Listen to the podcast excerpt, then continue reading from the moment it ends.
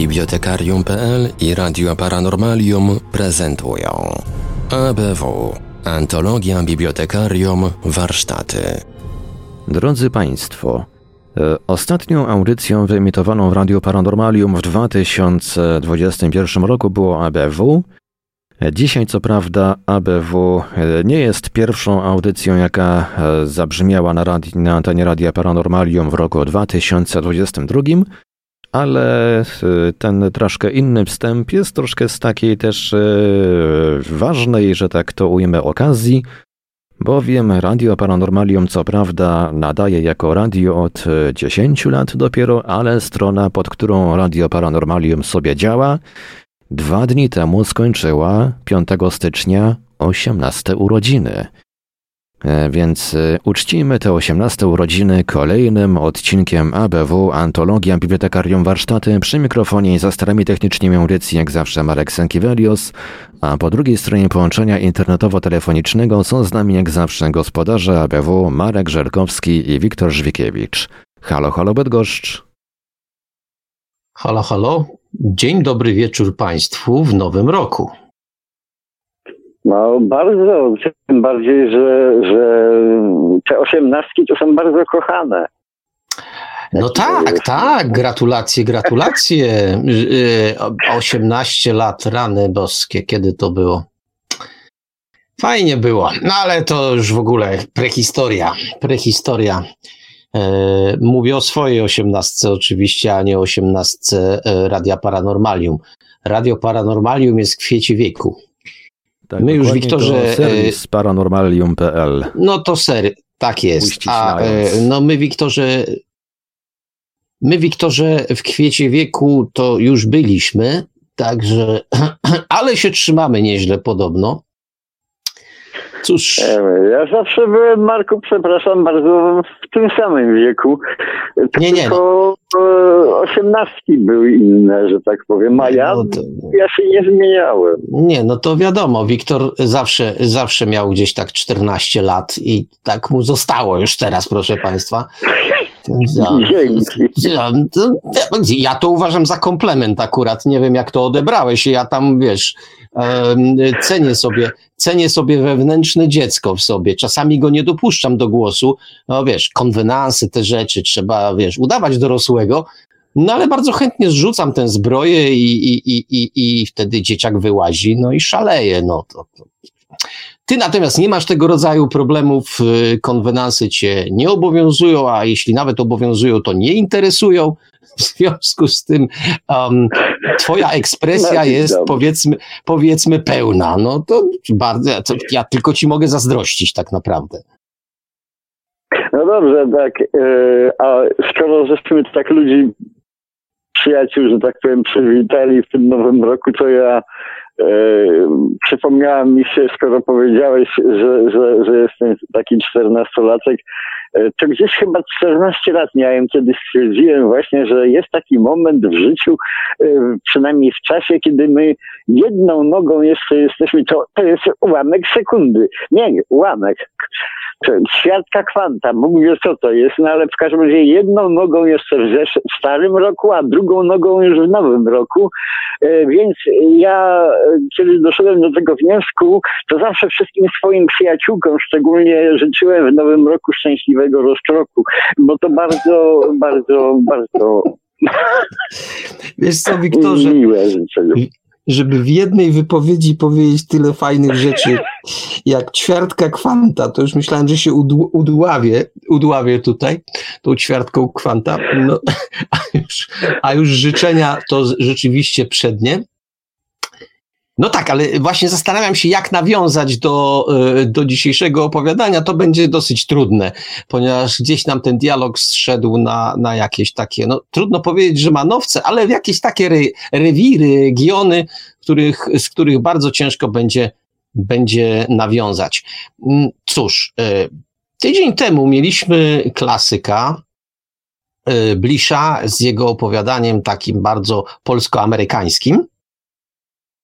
Dzisiaj też mamy klasyka Fryderyka Brauna, e, opowiadanie, e, które nosi tytuł Opowieść o, e,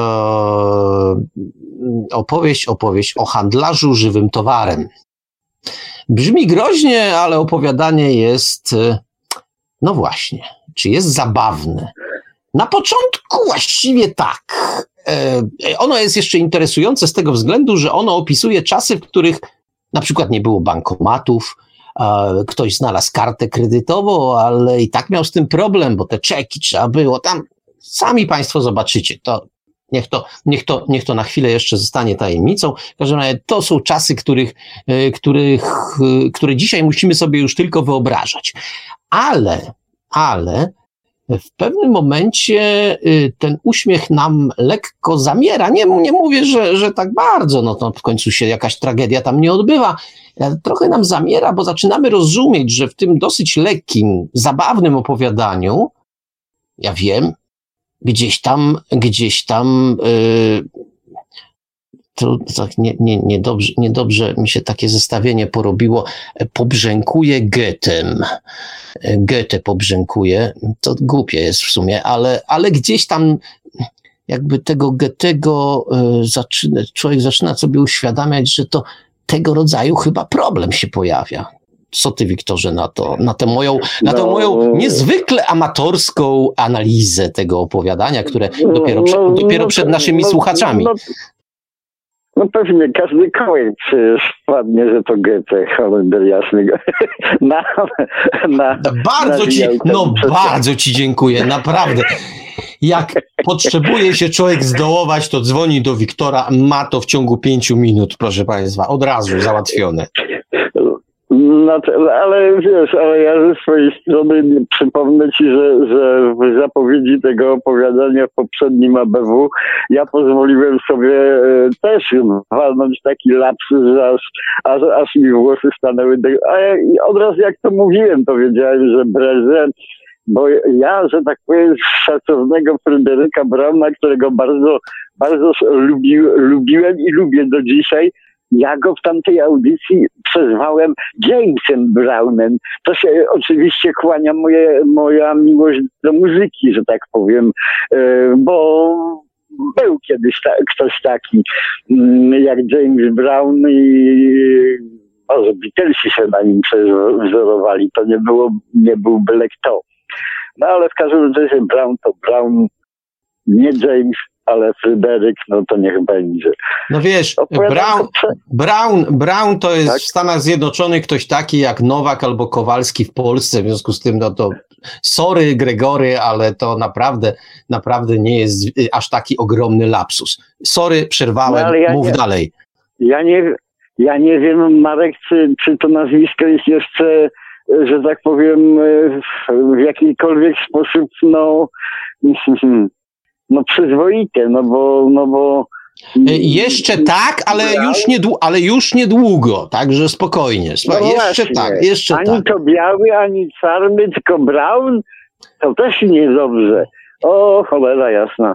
No trzeba będzie zmienić nazwisko Fryderykowi. Znaczy gilotynowanie, gilotynowanie Brownów w Stanach Zjednoczonych to dopiero przyszłość, także spokojnie. Spokojnie to jeszcze dopiero przed nami oraz palenie książek ewentualnych Brownów. E, wiesz co, e, jak w jakimś głupim, głupie rejony idziemy, to e, zajmijmy się jednak opowiadaniem. E, powiedziałem o Goethe, no, bo miało poważnie zabrzmieć, no ale no, w sumie nie wyszło za, za poważnie. E, proszę Państwa, no to jest po prostu leciutkie opowiadanie, ale e, ono ma w sobie kilka smaczków, o których, na które warto zwrócić uwagę. Jakich smaczków? O jednych już mówiłem. To znaczy, że dużo się zmieniło, chociażby w obrocie, ale jedno się nie zmieniło że państwa uwielbiają nakładać na ludzi podatki. No, to, to akurat żadna nowość. My się musimy zacząć do tego przyzwyczajać, szczególnie, że mamy rok 2022. E, cokolwiek miałoby to znaczyć. Natomiast y, tam jest taki moment, w którym e, bohater dochodzi do wniosku, że im więcej zarabia, tym mu się to mniej opłaca, albo właściwie więcej musi do tego dopłacać. Pozostawiam to y, bez komentarza, raczej pod rozwagę, bo y, to sławne powiedzenie, nadużywane w ostatnim czasie, że y, nie ma takiego świństwa oraz takiej podłości, której, no to oczywiście jest luźna interpretacja tego powiedzenia, której nie zrobiłby e, porządny skądinąd i, i przyzwoity rząd, kiedy zaczyna brakować mu pieniędzy, e, no to jesteśmy blisko, blisko tego rodzaju rozwiązań. Oczywiście opowiadanie nie jest o tym, o czym w tej chwili mówię. Ja sobie wyciągnąłem pewien fragmencik i się nad nim i się nad nim pastwię. E, Ale Marku, jeśli ci wskoczę słowo, bo to nie jest taki wąteczek e, tego, to, to ta e, narracja, że tak powiem, pieniężna, bankowa i tak dalej jest bardzo brawurowym e, takim e, posunięciem e, autora, który po prostu e, wali bez przerwy. Tu jakieś karty, tu jakieś konta, tu jakieś to, tamto, tamto, plusy, minusy i tak dalej, dochody, te wszystkie takie rzeczy, y, to daje po prostu y, pewną nie, nie skupia się nad, nad, że tak powiem, problemem, y, tylko daje ten luz, po prostu luz taki ogólnospołeczny, że tak powiem. No, według mnie to bardzo, bardzo dobrze, dobrze, dobrze, dobrze to zrobił i tym bardziej, że to nie jest w jednym miejscu. Całe opowiadanie, opowiadanie jest właściwie takie od początku do końca bankowe. Tak, ale zanim zaprosimy, tak, tak, ale zanim zaprosimy tak. Państwa na to opowiadanie, no to chciałem taką y, y, belferską przestrogę wygłosić. Jak Państwo zawieracie jakieś umowy, obojętnie czy to na piśmie, czy na gębę, no to czytajcie Państwo drobny druk i przemyślcie, co naprawdę znaczą poszczególne punkty e, w tym, co podpisujecie, bo czasami, e, jak już umowa wejdzie w życie, to może się zrobić bardzo, ale to bardzo niemile, niemiło. Marku, ale kto myśli, zanim, że tak powiem, nie dostanie wtywek? Czy ty widziałeś ludzi myślących na przykład w urzędach stanu cywilnego. Nie, nie, ale Nikt to... tam nie, my, nie myśli, potem ma za swoje, no. Tak, no to tu, wiesz co, no, ty mnie prowokujesz, no, to się dam sprowokować. Opowiem stary dowcip z brodą, y, bardzo taki seksistowski, ale w drugą stronę. Otóż y, pewnego dnia synek, w, taki siedmiolatek, w kąpieli, mama tam go kąpie i w pewnym momencie e, dziecko, e, ten chłopczyk, pokazując na swoje przyrodzenie, mówi: Mamusiu, czy to jest mój mózg? Na co mamusia dosyć trzeźwo odpowiada: Jeszcze nie, synku. To tak a propos tych, tego urzędu. To jest, to jest najlepszy, najlepszy dowcip. E, pardon, też to nie jest dowcip. No właśnie. Proszę Państwa, e, a zatem przed nami opowiadanie Fryderyka Brauna, opowieść o handlarzu żywym towarem.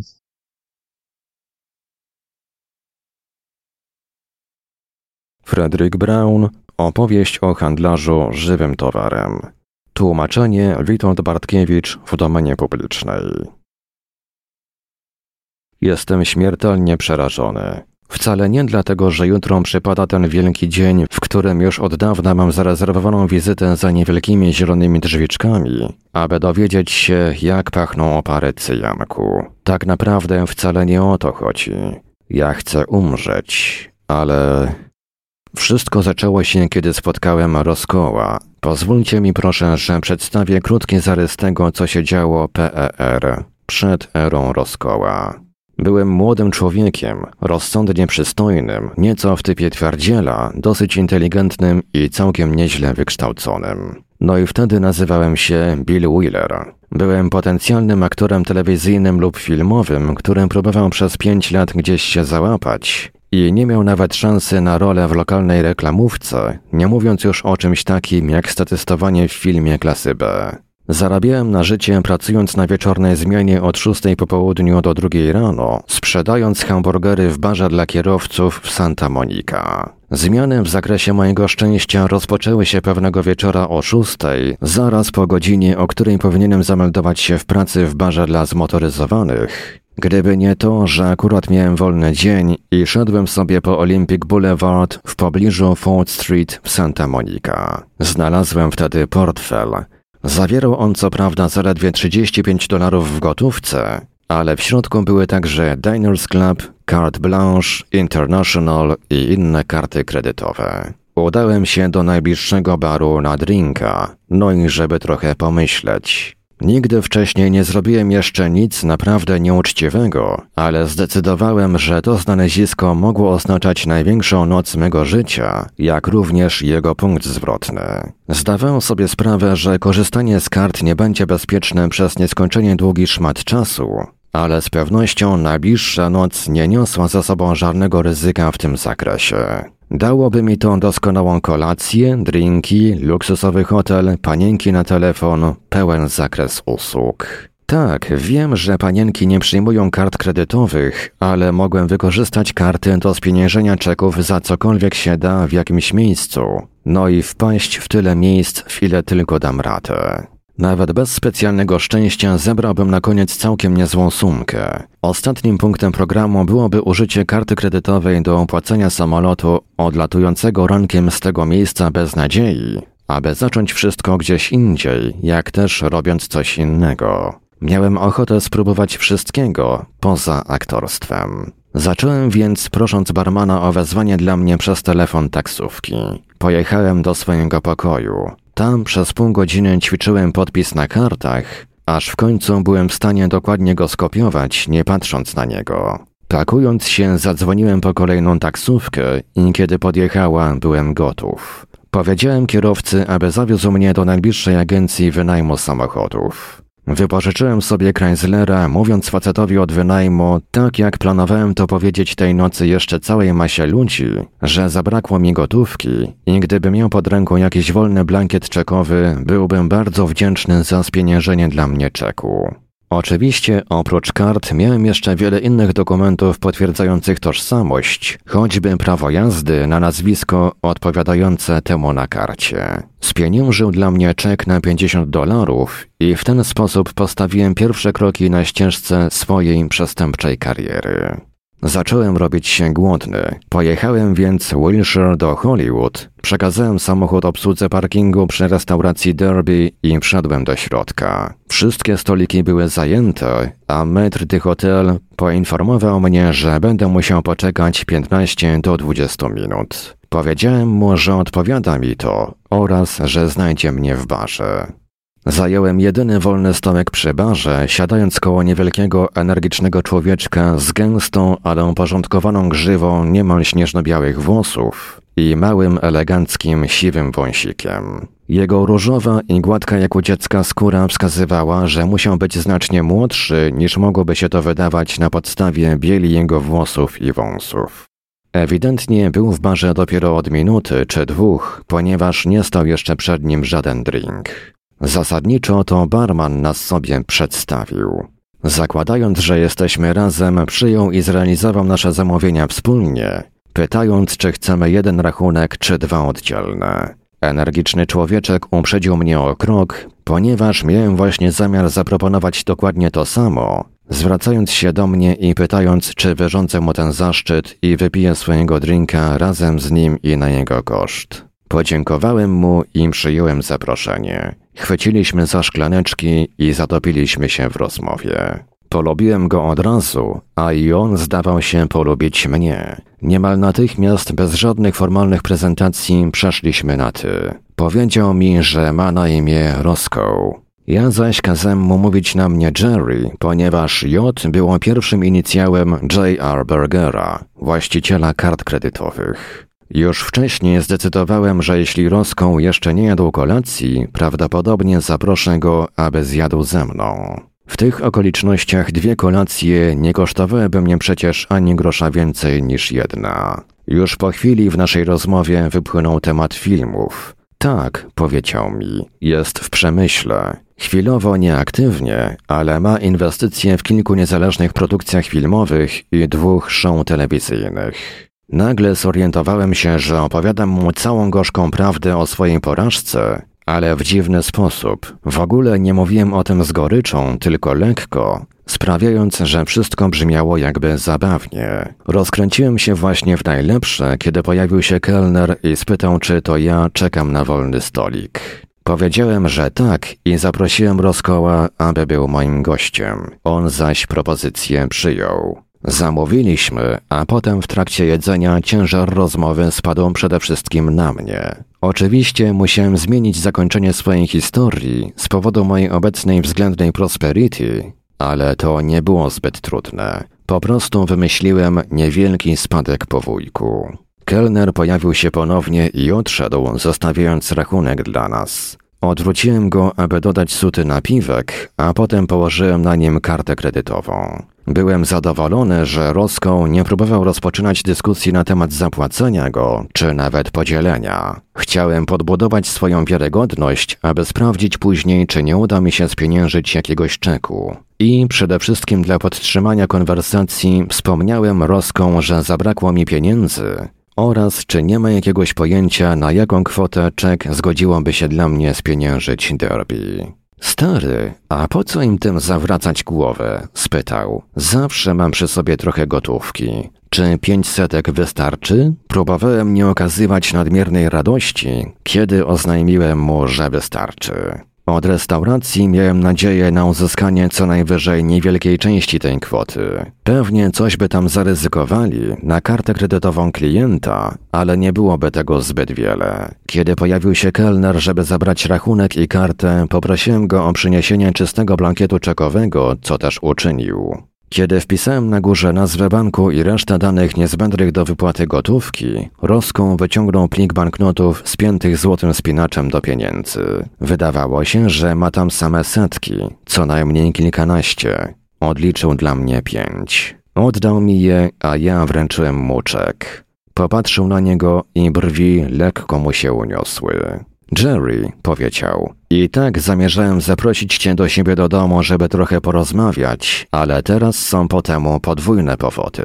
Wygląda na to, że nosimy to samo nazwisko. Albo może jakimś cudem znalazłeś portfel, który zgubiłem dzisiejszego popołudnia w Santa Monica. Boże, Boże, Boże, tak, wiedziałem, że to musi być coś więcej niż zwykłe zrządzenie losu. Nie mogło być inaczej w mieście o rozmiarach Los Angeles. Ale co innego mogłem wtedy sobie pomyśleć? Nie mógł nawet za mną pojechać do Derby. Był tu przecież przede mną. Przez jedną szaloną chwilę rozważałem nawet pomysł, żeby wziąć nogi za pas i wiać. Pomimo wszystko nie znał przecież mojego prawdziwego nazwiska i gdybym tylko zdołał się stąd wyrwać, byłbym bezpieczny. Ale jeżeli zacząłbym uciekać, a on by krzyknął łapać złodzieja, to ogromna horda kelnerów miała całkiem spore szanse powstrzymać mnie albo dogonić. Mówił dalej spokojnym tonem. Inicjały JR oznaczają Joshua Roscoe. Wolę, aby nazywano mnie Roscoe. A teraz nie bądź idiotą.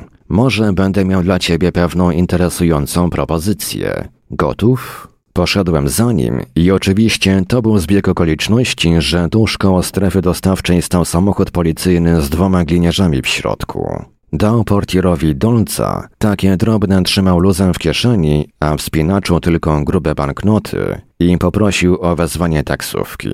Prawie już otwierałem usta, żeby powiedzieć, że mam tutaj na miejscu samochód, ale zdecydowałem się zamknąć gębę i zobaczyć, jak to wszystko potoczy się dalej. Wsiedliśmy do taksówki, a on podał adres przy Las Jenega. Po drodze nic nie mówił, a ja zająłem się rachunkami w myśli. Stać mnie było na zapłacenie mu mniej więcej tyle, ile było trzeba. To znaczy z moich własnych 25 dolców, jakie miałem. Rachunek w restauracji wynosił z napiwkiem 12 dolców. A jeśli zaraz odprowadziłbym Chryslera, byłoby na nim do zapłacenia tylko mniej więcej 20 mil i jakieś 2-3 godziny. Mógłbym również użyć tych samych 50 dolców, jakie dostałem za lipny czek do wykupienia go z powrotem. Gdyby tylko mi na to pozwolił, mógłbym wyprostować wszystkie sprawy i w ten sposób rozwiązać problem. Taksówka zatrzymała się przed bogato wyglądającym apartamentowcem. Czy to był zbieg okoliczności, że kolejny samochód policyjny akurat parkował po drugiej stronie ulicy? W każdym bądź razie już wcześniej zdecydowałem się go wysłuchać, a potem wykonać swój własny ruch, zaś próbować dać drapaka tylko wtedy, jeśli wszystko inne by zawiodło. Wjechaliśmy samoobsługową windą na czwarte piętro, gdzie mój gospodarz użył klucza i wprowadził nas do dużego pokoju w bardzo przyjemnym kawalerskim mieszkanku. Sześć pokoi, jak się dowiedziałem później, ale żadnej służby, ponieważ cenił sobie prywatność. Gestem ręki wskazał mi sofę i podszedł do stojącego w kącie barku. Brandy? Skinąłem głową, a potem zacząłem mówić, przedstawiając swoją propozycję co do zwrotu kosztów, podczas gdy on nalał brandy do dwóch koniakówek. Podszedł i podał mi jedną z nich. Oszczędź mi tych paskudnych szczegółów, Jerry. Och, czy to jest twoje prawdziwe imię, czy tylko wymyśliłeś je, aby pasowało do pierwszego inicjału na kartach? Nazywam się Bill, powiedziałem. William Trent. Nie miałem zamiaru podawać mu prawdziwego nazwiska, zanim nie uznam, że to bezpieczne, ale nic nie traciłem, wyjawiając mu swoje imię.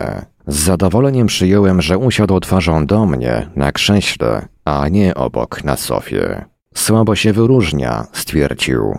Z tymi twoimi rudawymi włosami. A co byś powiedział na Bricka? Brick Brannon. Podoba ci się? Skinąłem głową. Nawet mi pasowało, a poza tym mogą mnie sobie nazywać jak mu się żywnie podoba, dopóki nie wzywam gliniarzy. No to twoje zdrowie, Brick, powiedział unosząc kieliszek. A teraz ta historia, którą mi opowiedziałeś, jak dużo z tego jest prawdą? Każde słowo, odparłem, jeśli tylko zastąpisz spadek po wujku znalezionym portfelem. Odstawił kieliszek, wstał i przemierzył pokój, podchodząc do niewielkiego biurka, z szuflady którego wyciągnął powieloną na mimografię kopię scenariusza. Idąc z powrotem, znalazł w scenariuszu jakieś miejsce i podał mi go otwartego na tej stronie. Czytaj partię Filipę przez następne półtorej strony. To twardy, niepiśmienny drwal, akcent kanok. Bardzo kocha swoją żonę, ale w tej scenie kłótni rzuca się na nią z wściekłością. Przeczytaj to najpierw sobie po cichu, a potem spróbuj na głos. W miejscu tej kwestii po prostu rób krótkie przerwy. Przeczytałem to sobie po cichu, a następnie spróbowałem zagrać. Kazał mi przerzucić kilkanaście stron, żeby znaleźć następną scenę i odczytać rolę drugiej postaci, a potem trzeciej, za każdym razem wprowadzając mnie krótko w to, kim ona była, jak mówiła oraz jakie były jej związki z innymi osobami. Kiedy skończyłem czytanie trzeciej partii, skinął głową i kazał mi odłożyć manuskrypt, a wziąć kieliszek z brandy. Leniwie pociągnął łyczek ze swego kieliszka. No dobrze, oznajmił. Jesteś naprawdę aktorem. Po prostu nie udało ci się przebić. Mogę zrobić z ciebie gwiazdę, jeśli tylko pozwolisz, abym został twoim menedżerem. Żadnych haczyków? Spytałem, zastanawiając się, czy nie upadł na głowę. Dziesięć procent, powiedział. Ale to będzie od wszystkiego. I pod stołem. Widzisz, Bill, ja nie jestem akredytowanym agentem, a ty będziesz musiał zatrudnić jednego z nich i płacić mu kolejne 10%, tak żeby zajmował się szczegółami, podpisywaniem kontraktów itd. Tak Wszystko, co będę robił ja, będzie odbywało się zakulisowo, nieoficjalnie. Odparłem, jeśli o mnie chodzi, to świetnie, ale jak do tej pory nie udało mi się znaleźć żadnego szanowanego agenta, który chciałby mnie reprezentować. I co mam z tym zrobić? Ja się tym zajmę. Będziesz musiał mu także płacić 10% od wszystkiego, ponieważ on nie będzie wiedział. Nikt nie będzie wiedział o twoich związkach ze mną. Jego 10% będziesz mógł sobie normalnie odliczyć od podatku, ale moich nie, ponieważ to nie będzie rejestrowane. Zgoda? Świetnie, powiedziałem ponownie i naprawdę tak myślałem. Jakieś inne warunki? Tylko jeden. Ponieważ niczego nie będziemy mieli na papierze, będę polegał na Twoim honorze, że nie pozwolisz, abym Cię wypromował, a potem mnie nie odstawisz. Określmy więc, jak to będziemy dokładnie rozumieć. Każdy z nas może anulować umowę w czasie pierwszego roku jej trwania, ale jeśli za ten rok przy moich zakulisowych działaniach Twoje przychody brutto wyniosą 25 tysięcy dolarów lub więcej, wtedy umowa między nami stanie się trwała i nieodwołalna. Zgoda?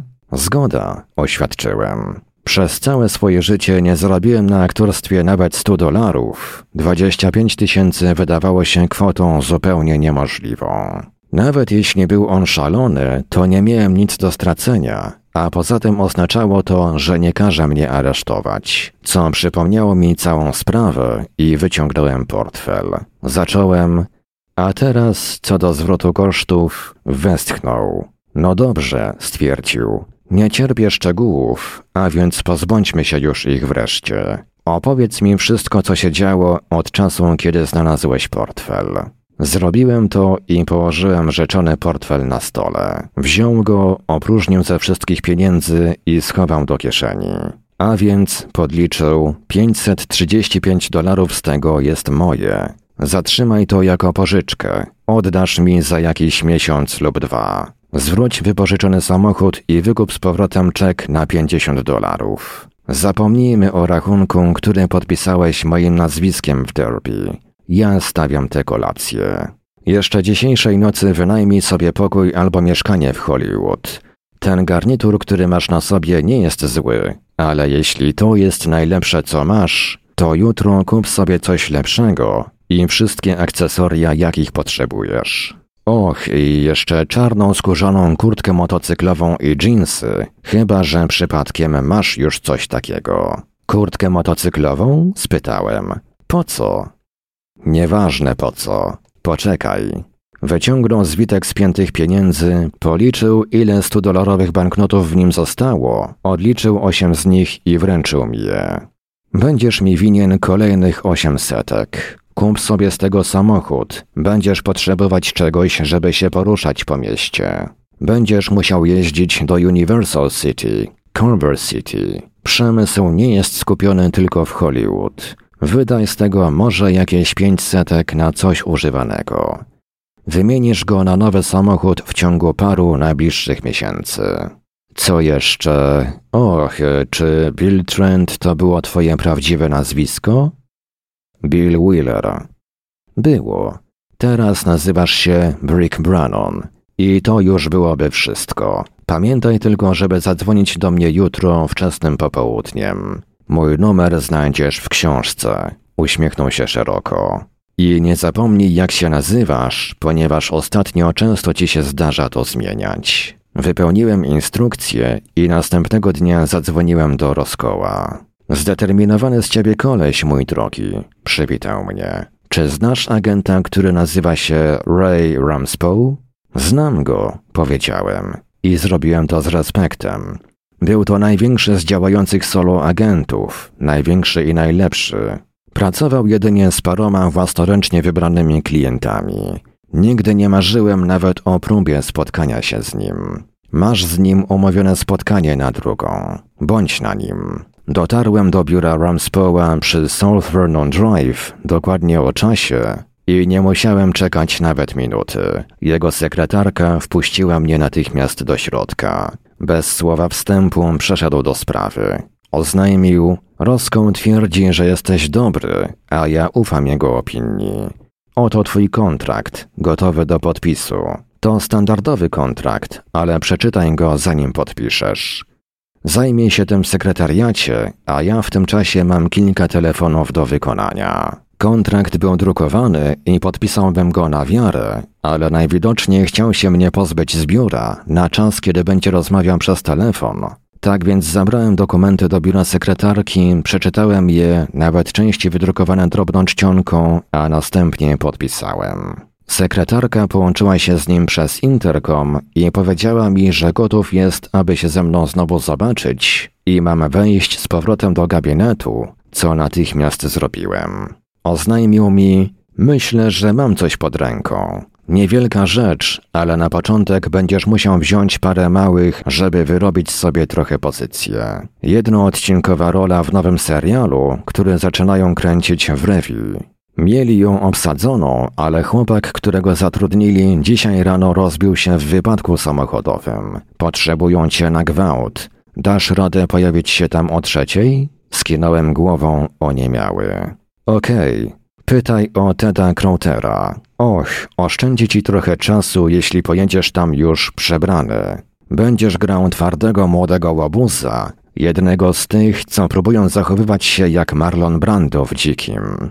Masz czarną skórzaną kurtkę i dżinsy? Przełknąłem ślinę i ponownie skinąłem głową. Przebierz się w nie po drodze i lataj wysoko, słonko. Odniesiemy wielki sukces. I to były już wszystkie trudności na drodze pierwszego przełomu w mojej karierze aktorskiej. Przez dłuższy czas byłem za bardzo zajęty, żeby się zastanawiać, jak to było możliwe, że Roską już poprzedniej nocy wiedział, iż następnego dnia bardzo mi pomoże w szybkim starcie po moją pierwszą rolę. Posiadanie czarnej skórzanej kurtki motocyklowej, którą będę mógł natychmiast na siebie założyć. Zwłaszcza, że kiedy czynił tę sugestię, wypadek samochodowy, który wyłączył chłopaka zatrudnionego do tej roli, jeszcze się nie wydarzył. Wydaje mi się jednak, że wiem, dlaczego powiedział mi o tej kurtce. Poza przyjęciem mnie od ręki i bez żadnych pytań przez najlepszego agenta, co było cudem samo w sobie, działania Roskoła rzadko były widoczne. Wszystkie moje role pochodziły od Ramspała, i mógłbym sobie pomyśleć, że on i ja robimy wszystko sami. Tak więc przy tej pierwszej okazji Roscoe chciał, żebym zobaczył działanie jego ręki. Chciał od razu dać mi do myślenia. Ale jak powiedziałem wcześniej, nie miałem zbyt wiele czasu na myślenie, a już z pewnością za mało, aby się wystraszyć. Byłem za bardzo zajęty. Początkowo były to niewielkie rulki, czasami nawet tylko kawałki rurek, ale miałem ich tyle, ile tylko byłem w stanie zagrać. I do końca roku wyrabiałem sobie pozycję, albo raczej wyrobiłem sobie pozycję do solidnych, ważnych ról drugoplanowych. Tego roku zarobiłem nieco ponad 50 tysięcy brutto, dwa razy więcej niż kwota czyniąca moją umowę z Roską nieodwołalną. Tak więc stała się ona nieodwołalna. Po dwukrotnym potrąceniu 10%, z których jedno mogłem odliczyć od podatku, a drugie nie, oraz samych podatków, ciągle miałem na czysto ponad 500 dolców na tydzień, a także Jaguara, naprawdę fajne ciuchy i bardzo sympatyczne mieszkanie. W drugim roku podwoiłem to, to znaczy podwoiłem swoje dochody netto do tysiąca tygodniowo, co oznaczało, że wpadłem w wyższe progi podatkowe, tak więc dochody brutto powiększyłem znacznie więcej niż dwukrotnie. Kręciłem teraz coraz więcej ról drugoplanowych w filmach. Moje nazwisko stało się całkiem nieźle znane, dzięki czemu pojawienia się w serialach telewizyjnych stały się występami guest star i zacząłem podłapywać główne role w serialach, w których każdy odcinek stanowił niezależną część z różną obsadą. W tym roku jednak wydarzyło się coś, co przypomniało mi o zdolności przewidywania rozkoła, jeśli rzeczywiście było to coś takiego i wskazywało na nowy aspekt w naszym związku, z którego nie zdawałem sobie sprawy, że on brał go pod uwagę. To nie jest odcinek serialu telewizyjnego, ale muszę poczynić pewne wprowadzenie. Spędziłem tydzień w Las Vegas, kręcąc tam film. Nie przepadam specjalnie za hazardem, jednakże pewnego wieczora stanąłem przy jednym ze stołów do gry w kości. Rozpoczynając od stawki 100 dolarów, złapałem dobrą passę i wkrótce grałem już o maksymalne stawki 500 zarzut. Wygrałem sporo, bo nieco ponad 20 tysięcy, a potem zacząłem przegrywać. A kiedy wygrana spadła do 11 tysięcy, co ciągle jeszcze dawało mi piękny zysk w wysokości równiutkich 10 patyków, wyszedłem z dalszej gry. Po powrocie spotkałem się z Roską, aby wręczyć mu część moich dochodów należną mu od czasu, kiedy go ostatnio widziałem. Przeliczył pieniądze, a potem poprosił o dodatkowy tysiąc, przypominając mi o moich ekstra dziesięciu patykach wygranych w Las Vegas. Dałem mu go bez słowa sprzeciwu. Nie próbowałem przed nim ukryć tej kwoty. Po prostu nie zdawałem sobie sprawy z tego, że mówiąc 10% od wszystkiego, miał na myśli naprawdę wszystko. Wróciliśmy do Las Vegas tydzień później, żeby nakręcić kilka dubli. Znowu pozwoliłem sobie na odrobinę hazardu i przegrałem 4000. Ale ponieważ tym razem nigdzie nie zaliczyłem dobrej pasy, w żadnym z miejsc nie zostałem dłużej. Przewędrowałem cały strip, odwiedzając po drodze kilkanaście kasyn.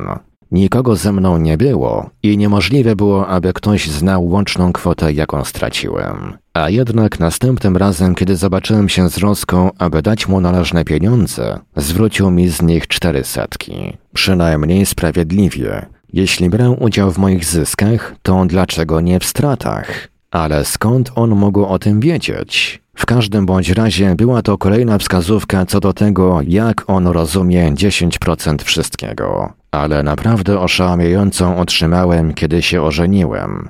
Tak, pewnie się tego domyślacie, ale muszę wyjaśnić o co chodzi.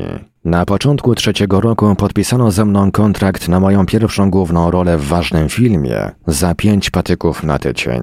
Albo raczej na jedną z głównych ról. Drugą grała piękna i obiecująca młoda aktorka Lorna Howard. Przed rozpoczęciem zdjęć Lorna i ja byliśmy razem na spotkaniu roboczym w biurze producenta, któremu nagle przyszło coś do głowy. Posłuchajcie, dzieciaki, oznajmił. To tylko pomysł, ale oboje jesteście wolni i samotni.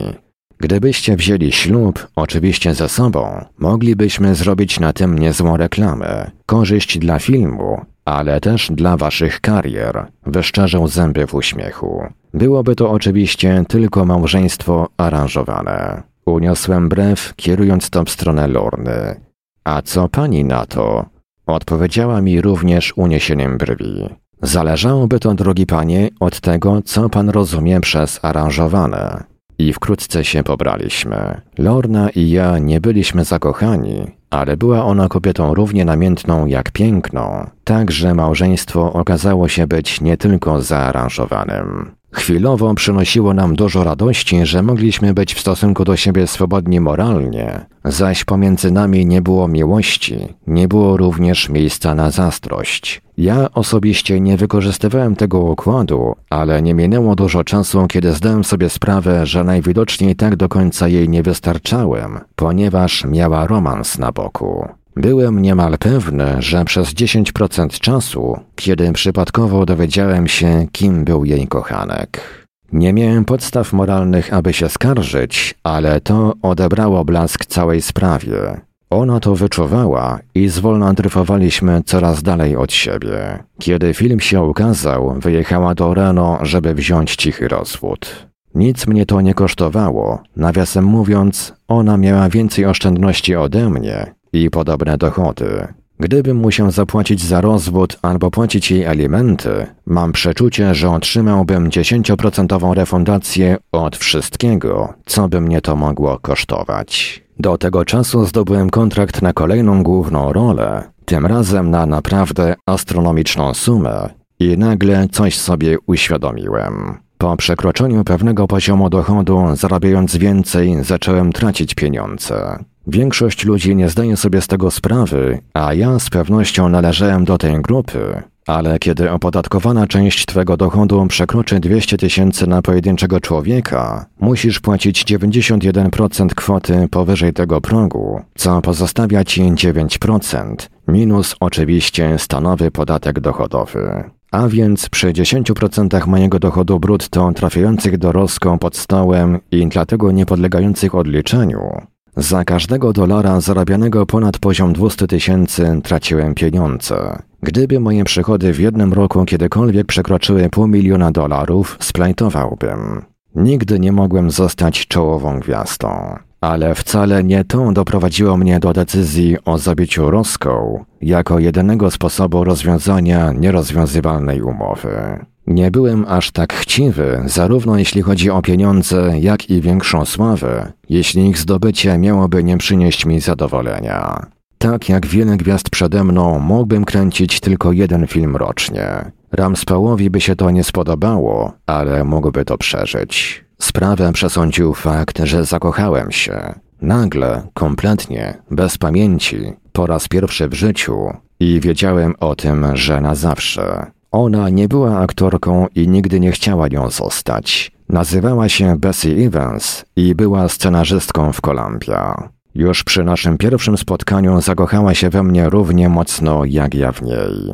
Roscoe musiał odejść. Chciałem więcej niż tylko romansu z nią. Chciałem ją poślubić na zawsze, a dopóki żył Roscoe, nie mogłem tego zrobić. Gdyby wziął sobie 10% tego małżeństwa i tak musiałbym go zabić, a więc równie dobrze można było zrobić to wcześniej. Oczywiście nie mogłem wyjaśnić Bessie, dlaczego nasz ślub nie mógł się odbyć od razu.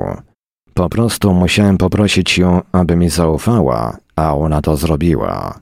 I podczas gdy ja snułem swoje plany zabicia Roską i uwolnienia się, ukryłem ją pod fałszywym nazwiskiem w niewielkim mieszkanku w Burbank. Odwiedzałem ją tak rzadko, jak tylko pozwalały na to nasze gorące uczucia i podjąłem najbardziej wyrafinowane środki bezpieczeństwa, aby nikt nie był w stanie za mną tam podążyć. Nie będę wchodził w szczegóły swojego planu zabicia Roskoła. Wystarczy powiedzieć, że zdobyłem niemożliwą do wyśledzenia broń i klucz do jego apartamentu.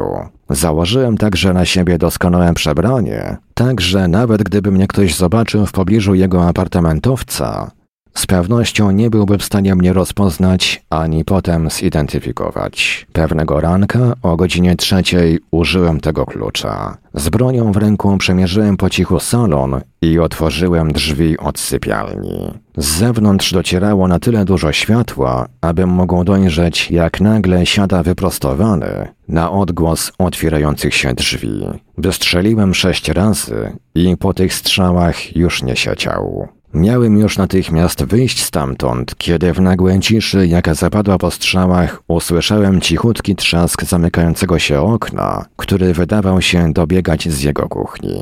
Okna, które, jak pamiętałem, otwierało się na schody przeciwpożarowe. Nagłe, straszliwe podejrzenie spowodowało, że włączyłem w sypialni światło. Podejrzenie to okazało się uzasadnione. To nie Roskoł leżał sam w łóżku. To Bessie w nim leżała, w tej chwili już sama. Dlaczego nigdy nie przyszło mi do głowy, że 10% wszystkiego oznacza nie tylko pieniądze lub małżeństwo? W pewnym sensie umarłem właśnie tam i w tamtej chwili, a w każdym razie zdecydowałem, że chcę umrzeć i gdyby w broni pozostał mi choć jeden nabój, pewnie strzeliłbym sobie w łeb.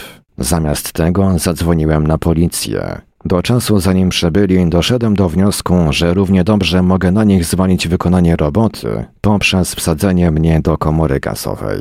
Nie powiedziałem nic policjantom, aby żaden prawnik, nawet wbrew mojej woli, nie użył mojej opowieści do udanej obrony pod pozorem niepoczytalności. Aby tego uniknąć, kiedy już dostałem adwokata i z nim porozmawiałem, opowiedziałem mu stek kłamstw, które pozwoliły mu sądzić, że ma pełne podstawy do udanej obrony, skłaniając go w ten sposób do powołania mnie do zeznań. Potem, absolutnie celowo, pozwoliłem prokuratorowi na rozdarcie mnie na strzępy w ogniu krzyżowych pytań, tak by nie było żadnej wątpliwości co do skazania mnie na karę śmierci. Roscoe zniknął z widoku i ciągle nie można go znaleźć. Ponieważ morderstwo wydarzyło się w jego apartamencie, policja chciała go odszukać, aby zadać mu parę pytań, ale nie potrzebowali go do mojego skazania, a więc nie szukali zbyt intensywnie. Jednak, niezależnie od tego, gdzie się znajduje, umowa między nami jest trwała i nieodwołalna. I właśnie to mnie przeraża. Tak bardzo przeraża, że nie spałem przez parę ostatnich nocy. Co to znaczy 10% śmierci? Czy pozostanę w jednej dziesiątej żywy, w jednej dziesiątej świadomy, w szarościach wieczności? Wrócę do życia i będę cierpiał przez jeden dzień z każdych dziesięciu lub jeden rok z każdych dziesięciu. I w jakiej formie? Albo jeśli Roską jest tym, kim zaczynam podejrzewać, to co on zrobi z dziesięcioma procentami mojej duszy? Wiem tylko, że jutro się o tym wszystkim przekonam i jestem przerażony. Koniec. No tak, Wiktorze, to teraz możemy troszeczkę więcej powiedzieć. To mów. Ja to po prostu bardzo, bardzo byłbym ciekaw. Tego mi brakuje, tego sprzężenia zwrotnego, że tak powiem, natychmiastowego, bo ja, że tak powiem, nie siedzę przy, przy, przy ścieżce internetowej, przy, przy, przy uwagach od słuchaczy i tak dalej, bo, bo, bo nie używam tego, tego tego, tego czegoś. No, w każdym razie brakuje mi tego um, aplauzu albo, albo stękania, zgorszenia. Bo ja byłbym bardzo ciekaw, jak, jak, jak to się to opowiadanko podobało. Bo ja, jak powiedziałem, to jest opowiadanko bardzo podobne do, do tego w poprzednim ABW, um, przez to, że jest bardzo wartkie, ale Amerykanie um, tak pisali tamtym czasie i zresztą bardzo często piszą do dnia dzisiejszego. Po prostu opisują y, swoją własną rzeczywistość, y, w której gdzieś tam między wierszami się zaczyna pojawiać coś, y, coś jakiś wątek, jakaś nitka cien, cieniutka czegoś niesamowitego, niezwykłego,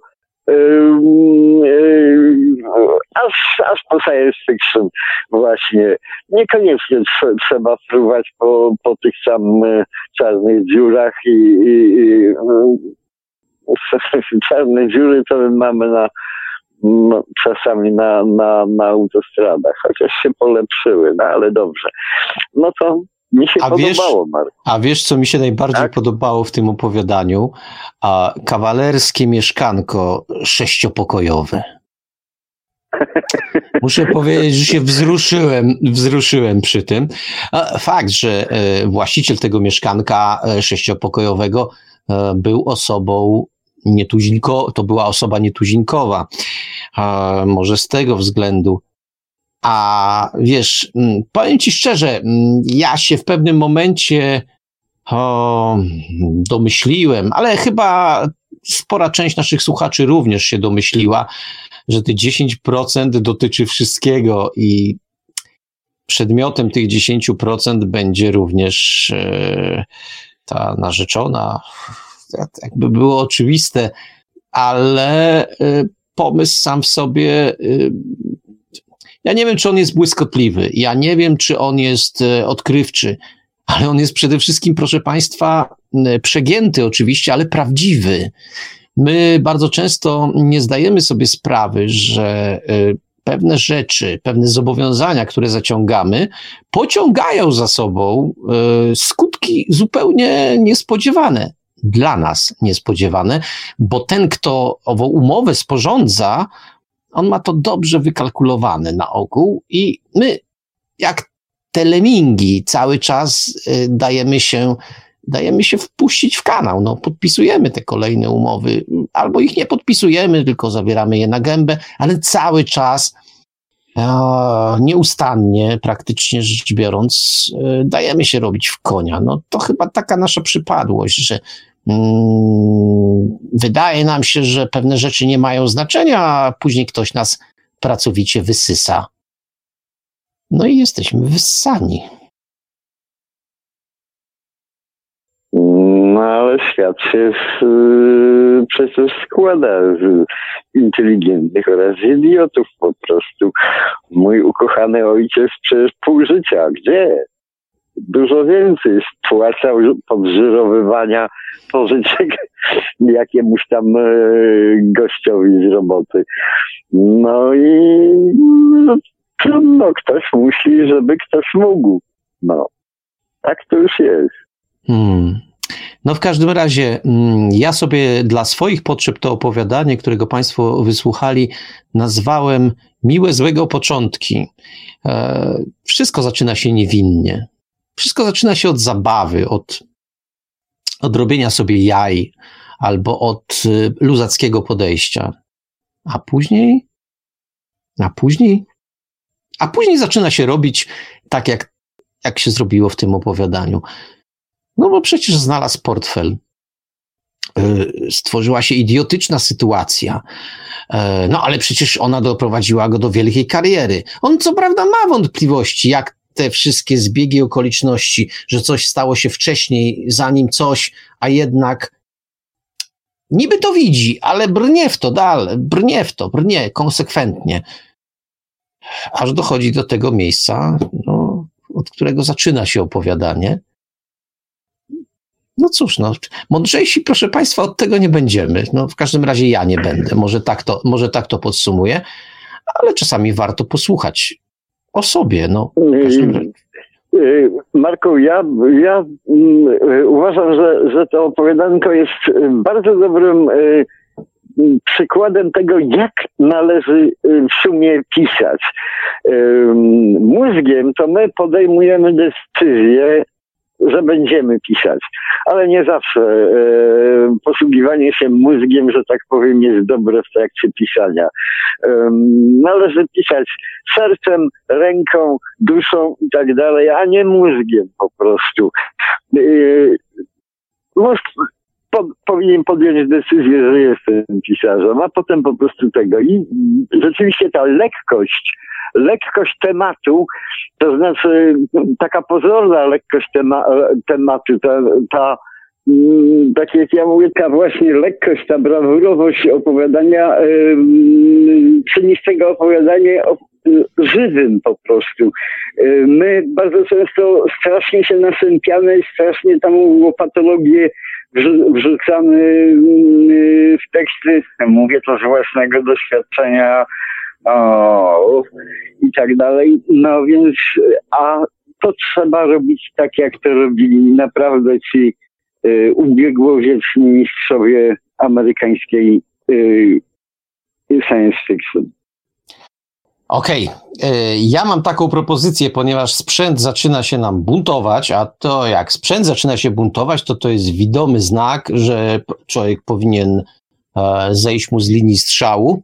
To proponuję Wiktorze, żebyśmy z tej linii strzału zeszli, e, podziękowali wszystkim słuchającym, no i zaprosili za tydzień. Za tydzień mamy bibliotekarium, niespodziankowe bibliotekarium takie podsumujmy.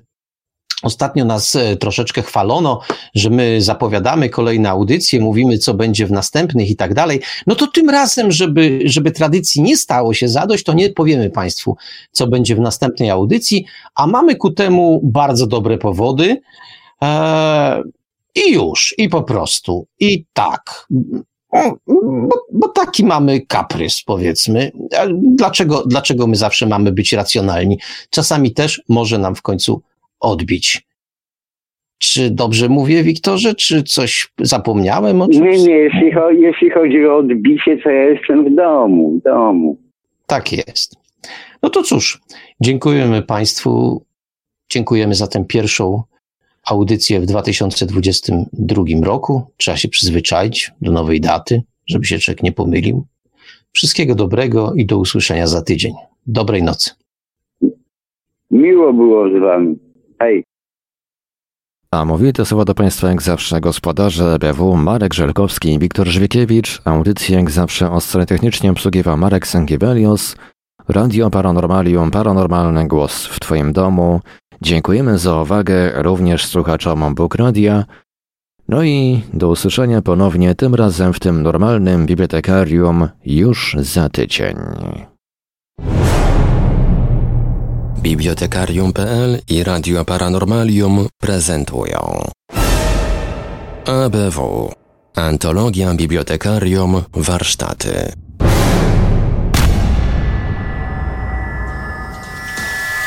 Produkcja i realizacja Radio Paranormalium. Www.paranormalium.pl